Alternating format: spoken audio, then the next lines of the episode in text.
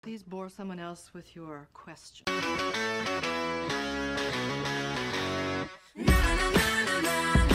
שלום, long time no see. היי. ברוכות הבאות לאלוהים לובשת פרדוש. פודקאסט פרשת השבוע, שלא תשמעו באף מקום אחר.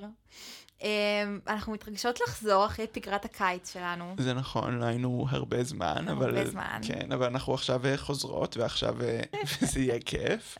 אה, ברוכות הבאות לפודקאסט שלנו, שבו אנחנו מדברות על פרשת השבוע, על תיאוריות פמיניסטיות ועל תיאוריות קוויריות, וגם על החיים שלנו ועל החיים של אנשים אחרים. יהיה כיף. כן. אני תמר, והייתה לי השבוע שיחה עם חבר על דייטים וטינדר וזה, והוא אמר, פשוט טינדר לא מביא לשום מקום, כי כאילו יש לך משהו, ואתה שולח הודעה, ואז לא עונים לך אף פעם. כי בנות לא עונות, כי יש להם מלא מאצ'ים, ולא באמת אכפת להם. ואז הייתי כזה, נכון, אני בנות. כאילו מבחינתי טינדר זה משחק בפלאפון. אה. כאילו אין לי שום כוונה להוציא מזה משהו בחיים הממשיים. יפה. זה זה. יכול להיות אנשים בדיוניים מבחינתי. אוקיי, אה, ניצבת מולי הבעיה למעשה של הרווקות המאוחרת. אה, ואני אמיתי, ואני.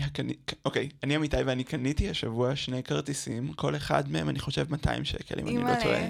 או... אני לא זוכר, נראה לי ש-200 שקל, אה, להקרנה של הארי פוטר 1 בפ... עם הפילהרמונית, שמקרינים את הסרט והפילהרמונית מנגנת בו זמנית את וואי, המוזיקה. זנות הפילהרמונית, באמת מסכנים.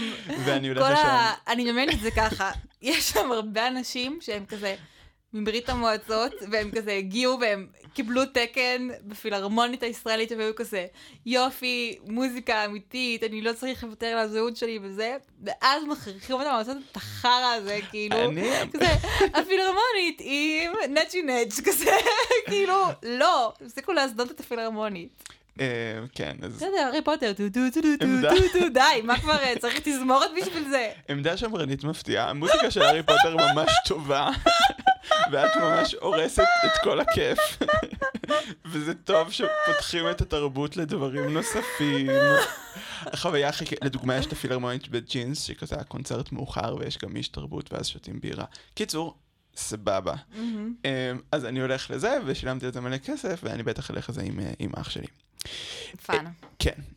אנחנו חזרנו לפרשת בראשית. בראשיתוש. שזה מאוד מרגש, כי פרשת בראשית זה הפרק שהקלטנו למעשה לפני שנתיים כשהתחלנו את. הפודקאסט, אה, ב- ביחידת דיור אצל ההורים של תמר, נכון, עם אה, הרמקול הכי גרוע אי פעם. עם הרמקול הכי גרוע, והקלטנו כל חלק איזה חמש פעמים ממש זה היה בסגנון הזה, ממש מושקע. וסופר תזמנו מה כל אחד אומר, זה היה כן. בזה משהו מעניין, כן, אבל גם לא היינו רגילים ב... לגמרי, בלדבר, כאילו מאוד התאמנו בזה, אנחנו ממש בכושר עכשיו. כן, כאילו. לחלוטין. אה, אז אנחנו חוזרים לפרשת בראשית, ויש את הפרק שלנו על אקו-פמיניזם שאני מאוד ממליץ להקשיב, הוא טוב מאוד, הוא מאוד אינפורמטיבי וכזה, אה, ואפשר להרוויח ממנו מלא, אבל היום אנחנו נדבר על בושה, שזה לא אקו-פמיניזם, אלא דבר אחר. מעניין, מעניין. ממש. כן. אוקיי, אז מדברים על בושה, ואיפה נתחיל? נתחיל אה, בפרשה. בפרשה. אחרי אה, הסיפור השני אחרי סיפור הבריאה השני, שבסיפור הבריאה השני, אמ, למי שלא מכירה, שני סיפורי בריאה, בראשון אדם וחווה נבראים יחדיו, בשני חווה נלקחת מהצלע של אדם ו- ונוצרת, אז אחרי כל הסיפור הזה, מהמם. יש אה, פסוק, הגליץ' הזה במטריקס של התורה, משהו בסגנון הזה, שהוא יש- בהם כזה, בראשית ברא את השמיים ואת הארץ, לא, לא, לא, וזה הסוף. בראשית. כן, אז אחרי האירוע הזה, באמת מאוד מאוד מאוד. מתעתע הזה, מגיע הפסוק הבא, אה, ויהיו שניהם ערומים, האדם ואשתו, ולא יתבוששו. כלומר, הם לא התביישו, למרות ששניהם היו ערומים. ואז, והנחש היה ערום מכל חיות השדה, אשר עשה אדוני אלוהים, ויאמר אל האישה, אף כי אמר אלוהים לא תאכלו מכל עץ הגן. אוקיי, ותאמר האישה לנחש, מפרי עץ הגן נאכל. סבבה, אז הנחש אומר לאישה, אסור לך לאכול מאף עץ, ואז האישה אומרת לו, דווקא אנחנו יכולים לאכול. ומפרי העץ אשר בתוך הגן, אמר אלוהים, לא תאכלו ממנו ולא תיגעו בו פן תמותון. כלומר, סבבה, אסור לאכול מפרי עץ הדעת באופן ספציפי. ואומר הנחש של האישה, לא מות תמותון. כי ידע אלוהים, כי ביום אכלכם ממנו, ונפקחו עיניכם, והייתם כאלוהים יודעי טוב ורע. ותראה האישה כי טוב העץ למאכל וכי תאווה הוא לעיניים ונחמד העץ להשכיל ותיקח מפריו ותאכל ותיתן גם לאישה עמה ויאכל. ותפקחנה עיני שניהם וידעו כי ערומים הם ויתפרו עלי תאנה ויעשו להם חגורות. אז זה הסיפור.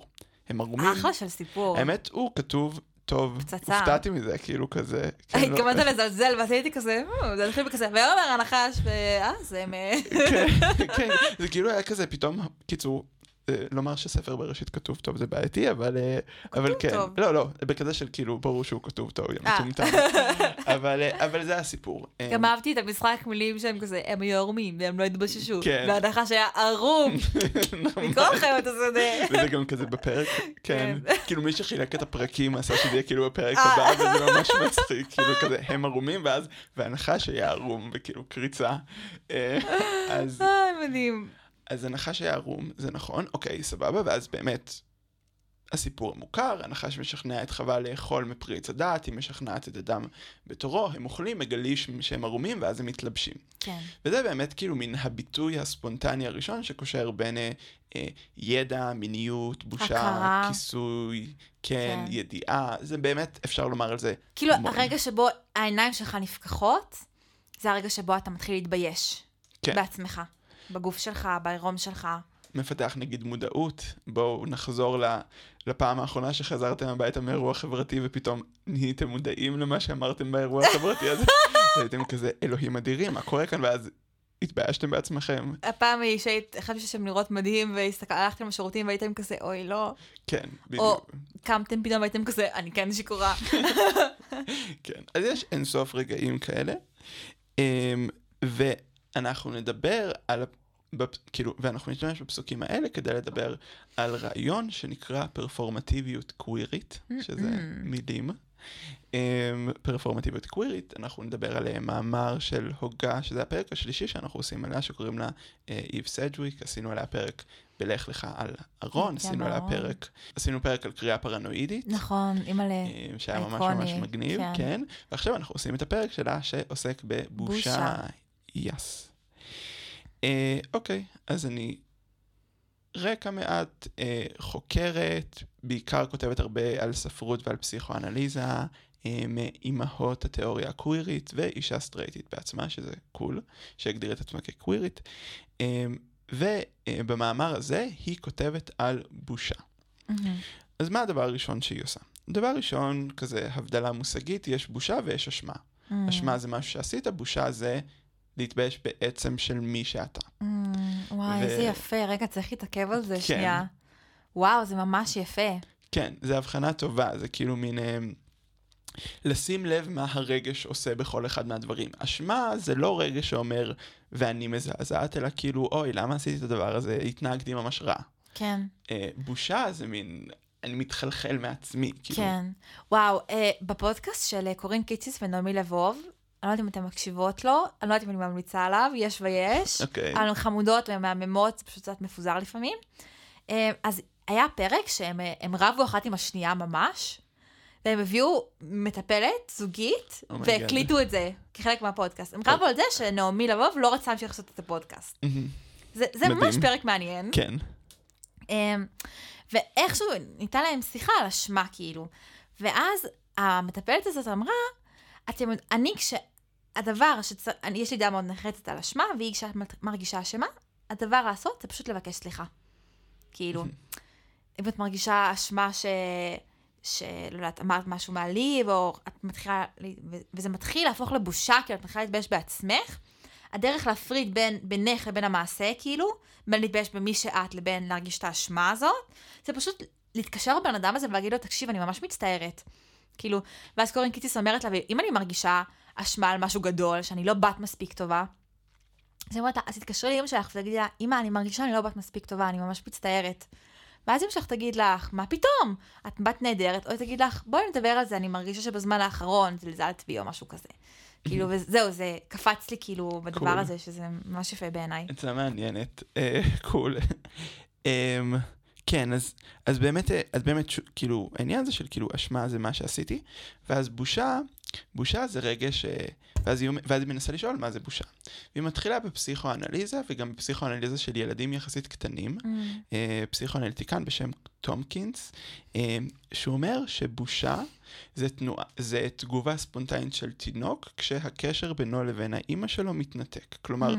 הילד והאימא שלו משמרים איזשהו מעגל של כאילו להחזיר, לשקף אחד לשני מחוות וכזה. ורגשות. כן, בדיוק. וכשהמעגל הזה נשבר, אז בושה שמתבטאת בהשפלת העיניים והסמקה, ו... אז האקט הזה של להתבייש קורה כשבעצם יש פתאום רגע של ניתוק של קשר. Mm. ואז הדבר הזה, האקט הזה, הוא בעצם אקט שהוא פרדוקסלי. למה? בגלל שבתגובה לניתוק של קשר, אני בעצם מתכנס אל עצמי, אז אני לא כאילו משמר את הקשר, אני מתכנס לעצמי, אבל אני עושה את זה בצורה שהיא יחסית מופגנת, וככה אני מסמן לך, לדוגמה, Mm. שביישת אותי. Mm. אז זה יוצר אותי... זה גם ממשיך את הניתוק וגם מתקשר אותו. בדיוק. כן. וזה גם יוצר אותי כמין, אה, נגיד אנחנו בתוך, אה, אנחנו באות- באינטראקציה, אנחנו כאילו אחד כזה באינטראקציה הזאת, מהמם. ואז ברגע מסוים זה מתנתק, וזה גם מייצר אותי כמין מישהו נפרד. Mm. בתוך הדבר פתאום אתה. רואה כאילו את, את הגבול של החיבור הזה, כאילו. כן, כי בעצם, אני חושבת שזה דבר, שזה דבר שאפשר להרחיק אותו גם לחיים הבוגרים, שכשמישהו מבייש אותי, אז זה מקום שבו אני התנהגתי באופן מאוד פתוח ופגיע, ושיקפתי את מה שאני מרגישה, ובמקום, בתוך קשר שבדרך כלל מאפשר לי את זה, וזורם עם זה, וממשיך את זה, וזה איזושהי חוויה הרמונית של שיתוף והכלה, ופתאום זה נקטע, הדבר הזה, ופתאום אני נשארת ממש כמו אדם וחווה ערומה. כן, כאילו, במקום להיות באיזשהו מקום חיבור ו- ונטול מודעות, פתאום עולה לי המודעות העצמית הזאת מאוד, כי הבן אדם שלי פתאום הפסיק לתת לי את מה שציפיתי שהוא ייתן. לגמרי. וזה גם הרגע שבו אני מבינה איפה אני נגמרת ואיפה הוא מתחיל. כאילו, הנה, זה הגבול, נגיד. פה הבן אדם הזה לא יכול להכיל אותי, אני לבד, כאילו. בדיוק.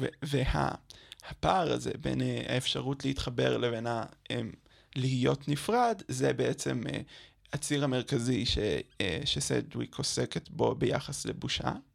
אה, אז נגיד זה יהיה הרקע שיש לה עוד, אה, היא כותבת יותר על כזה רקע פסיכואנליטי, אבל זה יהיה הרקע שלנו, מהמם. זה יחסית סבבה.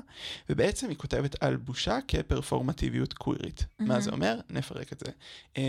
סדוויק מתייחסת לג'ודית באטלר שכתבה שלוש שנים לפניה. אה, על מגדר כפרפורמנס, המאמר הזה נכתב ב-93, מתייחס למאמר, ש- לדברים שפורסמו בשנת 90 בערך. אה, מה זה מגדר כפרפורמנס? מגדר מיוצר על ידי זה שאני כאילו מתלבש בצורה מסוימת, מדבר בצורה מסוימת, עושה איזה שהן מחוות, כלומר, זה שאני גבר זה לא איזה משהו שהוא תמוה בתוכי, אלא אני מייצר את זה ללא הפסקה בהתנהגות שלי. ואז סדג'וויק אומרת, אוקיי, מגניב, זה מגדר, איך נוצרת אה, זהות קווירית, והיא אומרת שזהות קווירית נוצרת מהמשפט shame on you, או Mm. תתביישי או תתבייש לך. כאילו, הרגע שבו אומרים למישהו תתבייש לך, אה, בהקשר של זהות מינית או זהות מגדרית, רגע שבו כאילו חריגה מהנורמה מסומנת באמצעות בושה, אתה מקולקל בגלל שחרגת מההתוויות המיניות או המגדריות האלה, זה הרגע שבו אתה נוצר כסובייקט קווירי. קווירי. בדיוק. כאילו אתה עושה איזושהי פעולה שהיא קשורה למגדר שלך ולמיניות שלך, ובמקום שהדבר הזה יתקבל כחלק נגיד אינהרנטי מהתבגרות, או מ... אה, רצ... כמיהה רומנטית ומשהו כזה, גורמים לך להתבייש בו. אומרים לך. לא, זה לא בסדר, נו נו נו. כן. כאילו, אם היית חוזר הביתה ואומר לאמא שאתה מאוהב באיזה בת בגן, אז זה היה חמוד ומקסים, והיית מקבל את החוויית ההרמוניה הרגשית הזאתי, אבל אם אתה חוזר ואתה אומר את זה על בן, אז תקבל פתאום את הניתוק הזה בפרצוף. ואז תבין שאתה נבדל כאילו מהנורמה באיזשהו מקום. כן, בדיוק. וזה גם היה, כאילו, כבר כשאמרת את המשפט הזה בקול, באמת אפשר לראות מה זה גם מאפשר למי שמתבייש בעצמו. כלומר, בזה שביישו אותי על זה שאני רוצה להיות עם, אה, נגיד שאני רוצה לצאת עם, אה, עם בן ולא עם בת, אז אני יכול לראות גם מה הגבולות החברתיים, כאילו Mhm. איפה, לאיפה לא כדאי לחרוג, אבל גם אני יכול להסתכל על זה ולומר, אוקיי, זה טיפשי שאני צריך שכאילו, זה שכאילו, זה שמסרטטים לי את Mm. הגבולות, אז מצד אחד אני יכול להימנע מלחצות את הגבולות, מצד שני אני יכול להת, להתנגד. כן, להגיד האלה. למה, איזה טיפשי זה, כאילו. בדיוק. לראות את הגבולות האלה באופן המאוד חברתי, שכאילו, שהם פועלים בו. כן, בדיוק. כי אתה, אתה יודע שבאופן מהותי, זה לא מה שאתה רוצה. לגמרי, אתה אפילו, אתה טוב. מר, מרגיש את זה, כאילו. Mm, את המלאכותיות של זה. כן, וכאילו זה, זה נראה לי אחת התרומות הכי משמעותיות שיש לסדוויק בכתיבה הזאת, שהיא מתייחסת להרבה אנשים שכותבים דברים כמו, אתה לא יכול לגשת אל הגוף שלך בלי לעבור דרך השיח החברתי, ותמיד Mm. הגוף שלך יתווך דרך החברה, וזה מאוד... והיא אומרת לא, פוקו. כאילו. כן, והיא אומרת כזה, לא, דווקא החברתי לפעמים מתבסס על, כאילו נוצר באמצעות הגופני, לדוגמה, בהקשר של בושה, התחושות הגופניות נוצרות, התחו- המבנה החברתי נוצר בין היתר באמצעות תחושות גופניות. Mm. כאילו אני מתחילה להזיע, להסמיק, להתבייש, כשאני מקבלת איזושהי, איזשהו מסר מהחברה. כן. ולא להפך, כאילו. בדיוק. יפה ממש. וזה גרם לי לחשוב רגע על, על הרגע הזה של הביוש הראשוני, הקווירי, כן. ואני הולכת להגיד משהו נורא עכשיו, אבל עד כמה הוא בלתי נמנע. כי אני חושבת, אפילו כאילו אם, לא יודעת, אפילו, אפילו כשאת במשפחה, נגיד, סופר לא הומופובית וסופר לא זה, אם הבן שלך יבוא לו ויגיד לך שהוא מאוהב בחבר שלו, את תצטרכי רגע להגיד, אוקיי, וואלה, מגניב, מי זה וזה, אבל את לא תגיבי בטבעיות שבו הוא יגיד לך שהוא מאוהב בבחורה. כן. כאילו, וגם אם את בעצמך קווירית, וזה הכי נראה לך זה, זה ידרוש, זה מין יציאה קטנה מהארון כזאת, שבו גם את תצטרכי רגע להתאפס. לגמרי. והרגע הזה של ההתאפסות, זה הרגע הזה של הניתוק הרגשי. שהחוויה היא לא חוויה הרמונית באופן ראשוני, כאילו. ומרגישים את זה. את מרגישה את זה, הבן שלך מרגיש את זה. כאילו, אין איך להימנע מזה באיזשהו מקום. כן, זה באמת, האמת שכאילו ממש הנקודה הבאה שלי, כאילו Mm. בקטע של כזה ממש כשאמר, כשדיברתי על הדבר הזה גם עם אה, מדריכים מאיגי שריכזתי השנה, אז הייתה מישהי שדיברה הרבה דווקא על זה שכאילו שזה מעצבן אותה, שהיא אומרת שהבושה היא בלתי נמנעת, כי. אולי כאילו, לא יודע, דור בעולם Z, מתוקן. כן, או שהם לא מרגישים את זה, אה, אבל אני מסכים שכאילו שזה זה טריקי, אני לא בטוח, כאילו, האם אפשר לדמיין, בטוח יש מרחבים פוליטיים שהבושה היא פחות חזקה, ואני לא יודע אם אפשר לי- לוותר על זה לחלוטין. אני חושבת כמה דברים. גם שזה לא תמיד ככה, אלא בפעם הראשונה אולי זה ככה. כן. כאילו, ואז זה, הרבה אנשים שיש להם חוויית יציאה מהארון מספרים, שכאילו, בהתחלה להגיד שיש להם קראש על מישהו מאותו המין, זה כאילו נורא מפחיד ומאיים וזה, בפעם הרביעית, שכולם כבר מסביבך רגילים לזה, ואת רגילה לזה, וכאילו, אז לא, את לא מרגישה את הבושה הזאת כל פעם, בוא, לפחות לא באותה עוצמה וזה. והדבר השני שיש לי להגיד, זה שגם במיניות הטרוסקסואלית, ו, ובכלל בכל התבגרות מינית, יש בושה. כן, כאילו, כי כשילד מתחיל, כשילדה מתחילה להיות אדם מיני ורומנטי, היא בוגדת בהסכם הראשוני שלה מול המשפחה שלה, מול ההורים שלה, שבו היא אדם בלי, כאילו, בלי חשקים מיניים ובלי חשקים רומנטיים. כאילו, הרגע הזה שבו, אני לא יודעת אם, אם זה יצא לכם במשפחה, לי יש אחים קטנים, ואני גם ראיתי את זה על עצמי וגם רואה את זה על האחים שלי, שכאילו, יש איזשהו גיל שבו מישהו בגיל, לא יודעת, 11, מתרוצץ חצי ערום בבית, והוא מרגיש הכי סבבה עם זה בעולם, ומישהו צריך להגיד לו, תקשיב, אתה לא יכול יותר, כאילו, כן. להסתובב פה במגבת בלבד, בסלון, כאילו.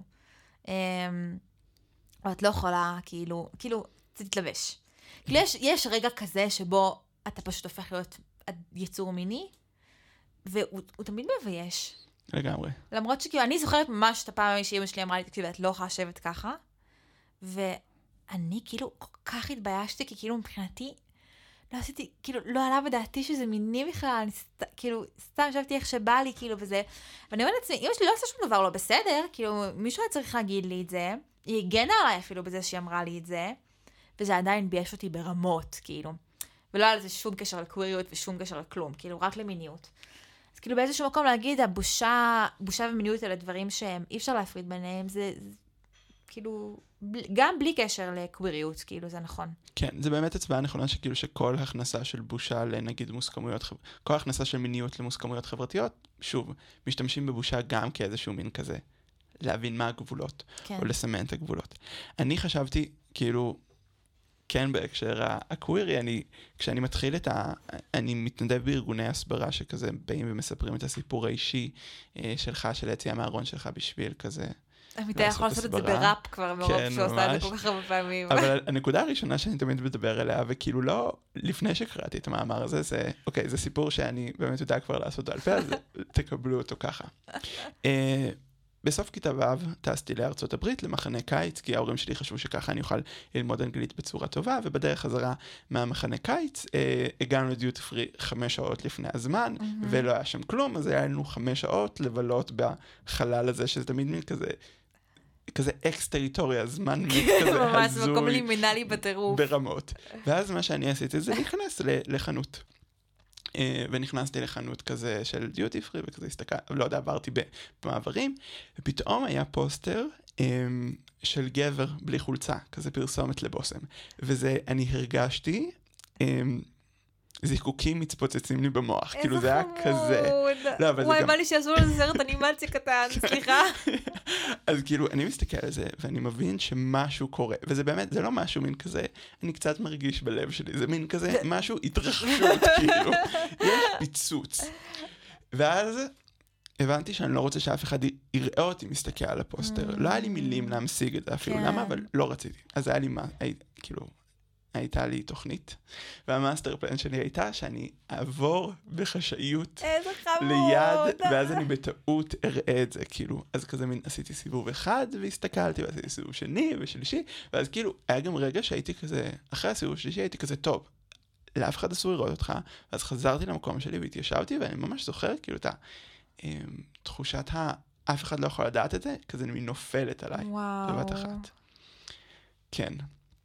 יכול להיות שזה באמת סיפור ביוגרפי שלי, יכול להיות שסיפרתי את זה כבר מעל 50 פעמים, אז זה כאילו עוצב בצורה ספרותית יותר טובה, אבל באמת כאילו יש עניין ברגע הראשוני הזה של כזה נפילת המשמעות. אמ, וזה אומר כמה דברים. יש כמה משמעויות ל- לכל הסיפור הזה. מהמם. הדבר הראשון שסדג'וויק אומרת זה משהו כמו, אתם לעולם לא תיפטרו מהבושה. כלומר, זה לא משהו שאתם תוכלו לזרוק למגר. לפח. בדיוק.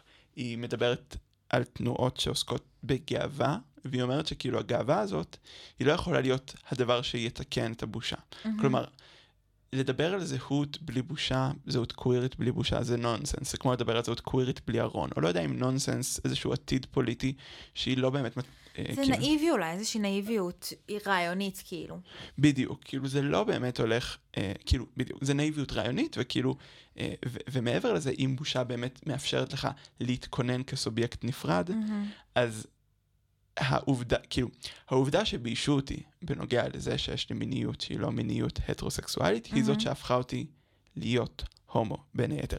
אם לא היו מביישים אותי סביב זה, וזה היה פשוט חלק מספקטרום מאוד חייב, רחב של מיניות, זה לא היה הופך לזהות נפרדת, ולכן הקיום של הזהות והבושה, זה ממש ביחד, כאילו זה הולך יד ביד. כן.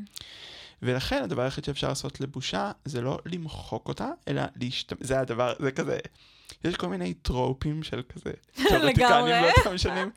אי אפשר למחוק את הבושה, אלא אפשר להשתמש בה בתור כלי לשינוי פוליטי ולעשות איזה reclaiming ולומר, לקרוא לעצמי, אני קוויר, קוויר זה מילת גנאי. ששימשה בעבר, אז דווקא להשתמש בכוחות האלה של כזה. אתם אמרתם לי שאני בעייתי, אני אשבור לכם את כל המבנה החברתי ואראה את הילדים שלכם, אה, לא יודע, הופכים לאנשים ללא מגדר ששוכבים עם כולם. אז אה, זה אקט 1, ויש אנשים בעולם שלג'יט חושבים שזה התוכנית החברתית שלי, כאילו, אז סבבה. אה, דבר נוסף שהיא מצביעה עליו, שזה מאוד נחמד, זה שבושה מאפשרת ליצור סוג של פוליטיקה חזק, חדשה. פוליטיקה שלא מתבססת רק על זהות, אלא פוליטיקה שמתבססת על הזדהות. ומה Mm. עובד מאחורי כל הבאזוורדס האלה? אה, בושה, כמו שאמרנו, זה רגע שמדבק, כאילו מישהו יבייש אותך, אני אתבייש, שנינו נתבייש ביחד. היה לי רגע של התאהבות באמיתי עכשיו. פשוט היו לי לבבות בעיניים, תודה. הייתי כזה, אני כל כך אוהבת את אמיתי. וואי, תודה. זה היה כזה חמוד. סליחה, גוואן. סבבה. אוקיי. בושה זה רגע שמדבק. את, אה, נגיד, אה, אם עכשיו את תצאי החוצה מהחדר הזה, וכאילו, לא יודע, יביאו לך מים ואת תשפכי אותם על עצמך, ואז תחליקי, ואת ממש תתביישי ותהיי כזה, אני אדם כזה קלאמזי, אז אני גם מתבייש נכון, קצת. כאילו, זה נכון. כזה, זה מביך גם אותי, זה כאילו, זה ממש תופס אותי בבטן, תחשבו על סיטואציות, כאילו, שאתם. מובכים בפומבי. על מושג הקרינג' שנהיה כזה פופולרי. בדיוק. באמת, אתה יכול להתבייש בשביל מישהו אחר. כן, וזו הזדהות נורא חזקה, זאת אנרגית הזדהות חזקה בקטע, אה, אפילו היא מצביעה על זה ותראו כזה, איזה מגניב. שתיים, כשמישהו אומר לי, נגיד, נגיד מישהו ברחוב, נגיד אני אצא מכאן ומישהו ברחוב בירושלים יצעק לי, אה, תתבייש לך, שזה אה, נגיד דבר שקרה לי אחרי מצעד הגאווה בירושלים. אני לא יודע למה הוא מתכוון, כאילו, סליחה, אתה יכול לפרט? כאילו, מה בדיוק מה מבייש? זה הלק, זה הגדלים, זה הכיפה ביחד עם זה, זה הכיפה באופן כללי, זה הבגדים שלי, זה ה... כאילו כן. מה, אם תוכל להצביע מה הזהות בדיוק, שאתה כן. בדיוק... אה, ו- ויש- ואז העניין הזה, אם נשלב את שני הדברים ביחד, אז יש לנו איזשהו רגש שגורם לי להתבייש. אבל לא בדיוק בגלל שאני שייך לזהות מסוימת, וגם מאפשר לי להזדהות בצורה מאוד חזקה עם אנשים נוספים. וזה מבחינתם מודל פוליטי לפעולה שהיא לא אם אני הומו אני אלחם בזכות הזהויות, כאילו למען הזכויות של ההומואים, שזו פעולה חשובה, וכאילו אני לא מדבר, אם יש הומואים שהדבר שהכי מטריד אותם זה לפעול לטובת אה, נגיד אה, פונדקאות, אז זה החיים האישיים שלהם והאנרגיות שלהם, וכאילו אקטיביזם דמוקרטי מתבסס על זה שכל אחד עושה את המאבק שלו. אבל אם אנחנו כן הולכים צעד קדימה ואומרים איך אנחנו רוצים לשנות בצורה אחרת את המציאות, בושה מאפשרת נגיד לי ו- ולך אה, להסתכל על איזשהו מבנה מסוים שאומר לנו תתביישו בכם, ולפעול נגדו ביחד, כאילו נשים ולהט"בים, Mm. השיתוף פעולה, נשים יפה. ולהט"בים זה מצחיק, אבל נגיד אה, נשים והומואים, שזה כן. כקבוצות שמוציאות אחת את השנייה. כן. הם, הם יכולים לפעול ביחד בגלל ששניהם אומרים, אוקיי, זה שנגיד ציירו את המיניות שלנו כדבר או דוחה או לא קיים, או זה שאמרו לנו תתביישו בעצמכם שאתם רוצים את הדבר הזה, שזה נכון לשתי הקבוצות, זה מאפשר לנו בעצם לדמיין ביחד פעולה פוליטית משותפת, ולכן זה כאילו, זה, כן, זה מין נושא ביחד כזה. זה ממש יפה. זה זורק אותי קצת לשרה אחמד, כן. שדיברנו עליה בפרק על הרגשות, ששרה אחמד מדברת על איך הרגשות שלנו הם יכולים להיות מצפון, מצפן לדיכוי. כאילו, והיא מדברת על, על בושה, לא? היא מדברת על... אה, כן, היא גם מדברת, היא מדברת גם על רגשות שליליים, על בושה ועל כזה להרגיש עצובה גם, כזה לא כן. שמחה וכעס, כאילו. כן, היא אומרת כאילו, תזהי בסיטואציות חברתיות, הרגעים שבהם את מרגישה רגשות שליליים, יכולים להצביע על זה שפועל נגדך כרגע איזשהו מנגנון חברתי דכאני, כאילו. אמ, ואני חושבת שזה ממש יפה, ואני חושבת שזה דבר שאחוז שרמוטה קורה. כאילו, בשיח ה... זה אולי כזה white feminism וכו', אבל אני white feminist, כאילו, פרקטית. אה, I am a white feminist, כאילו. סבבה. אמ, אז כאילו, סביב כל הנושא של כזה body positivity, כאילו יש הרבה עיסוק בכאילו לדבר על איזה חלקים בגוף שלנו אנחנו מתביישות בהם, והדבר הזה, ולהשתמש בדבר הזה כשיח שהוא יוצר סולידריות. יש בתוך התנועה של body positivity תת רעיון שאומר שכאילו אמ, בושה בגוף הוא לא דבר שרק אנשים שמנים מרגישים, אלא כאילו אנשים, כאילו זה מנגנון שמדכא את כולנו, וברור שאנשים שמנים סובלים ממנו הרבה יותר, אבל כאילו, אבל, לא שייך רק, רק לאנשים שהם אה, שמנים, אני אומרת את המילה שמן זה- מאוד בחופשיות, אבל מהכיוון של כאילו, זה פשוט תיאור של איך נראה גוף מסוים, זה כן. כמו שכולם לא יכולים. זה כמו שזה לא היה הגיוני שכולם יהיו בגובה מטר שמונים וחמש. כן. ככה יש אנשים עם מגוון של משקלים. כן, עכשיו זה מסובך, ואני בטוחה שיש בנות שמקשיבות לזה ולא נעים מהן לשמוע את המילה שמן, וכאילו, אני לא אכנס עכשיו לכל הדבר הזה מפאת קוצר הזמן, אבל יכול להיות שיש דרך יותר רגישה להגיד את זה, אבל הכוונה שלי הייתה להגיד שמן, כמו שאומרים, נמוך, כאילו לא במקום מבייש או משהו כזה. אמ, בכל מקרה, אז כאילו להגיד, הבושה בגוף זה דבר אוניברסלי שכולנו מרגישים כתוצאה מהתרבות שאנחנו חיים בה. וזה בדיוק להגיד את זה, כאילו, זה להגיד, אנחנו יכולות להביא למאבק הזה נשים גם שהן כן רזות, כי גם נשים רזות מרגישות בושה, וגם נשים רזות יכולות להרגיש חרדה מלעלות במשקל, וגם נשים רזות יכולות להיות נשים כמובן עם שסובלות מהפרעות אכילה. כאילו זה לא דבר שהוא... עד, כאילו הפרעת האכילה שלנו מתבטאת שונה בגופים שונים. כן. בגלל גנים, בגלל מטאבוליזם, בגלל כל מיני דברים. אבל היא אותה הפרעה, כאילו. מי שיוכל לסבול מהפרעת אכילה ולהיות במשקל יתר, מה שנקרא, מושג דוחה, או להיות בתת משקל, כאילו, והחולי הוא אותו חולי. כאילו, המקום הזה שבו הבושה היא, היא כלי שמחבר, כאילו, ו, וגורם לנו לראות את הרוחב של הדבר הזה. אני הרגשתי את, ה, את העוצמה החיבורית של בושה כשהקלטנו את הפרק עם ציון. על טרנסיות, והוא דיבר על זה שדיספוריה ואופוריה מגדרית הם לא רק רגשות שטרנסים מרגישים, ואמרתי לעצמי, וואו, נכון. ברור שיש דברים שאני עושה שגורמים לי להתבייש, כי אני מרגישה לא מספיק נשית, או נשית מדי. וזה המקום הזה שבו בושה גרמה לי להתחבר לחוויה טרנסית, למרות שאני לא אדם טרנס. Um, זהו, אז זה ממש מעניין, אני חושבת שזה מאוד קורה, כאילו שזה דבר שלגמרי כלי הסברה ושיח שלגמרי אימצנו, כאילו. לגמרי.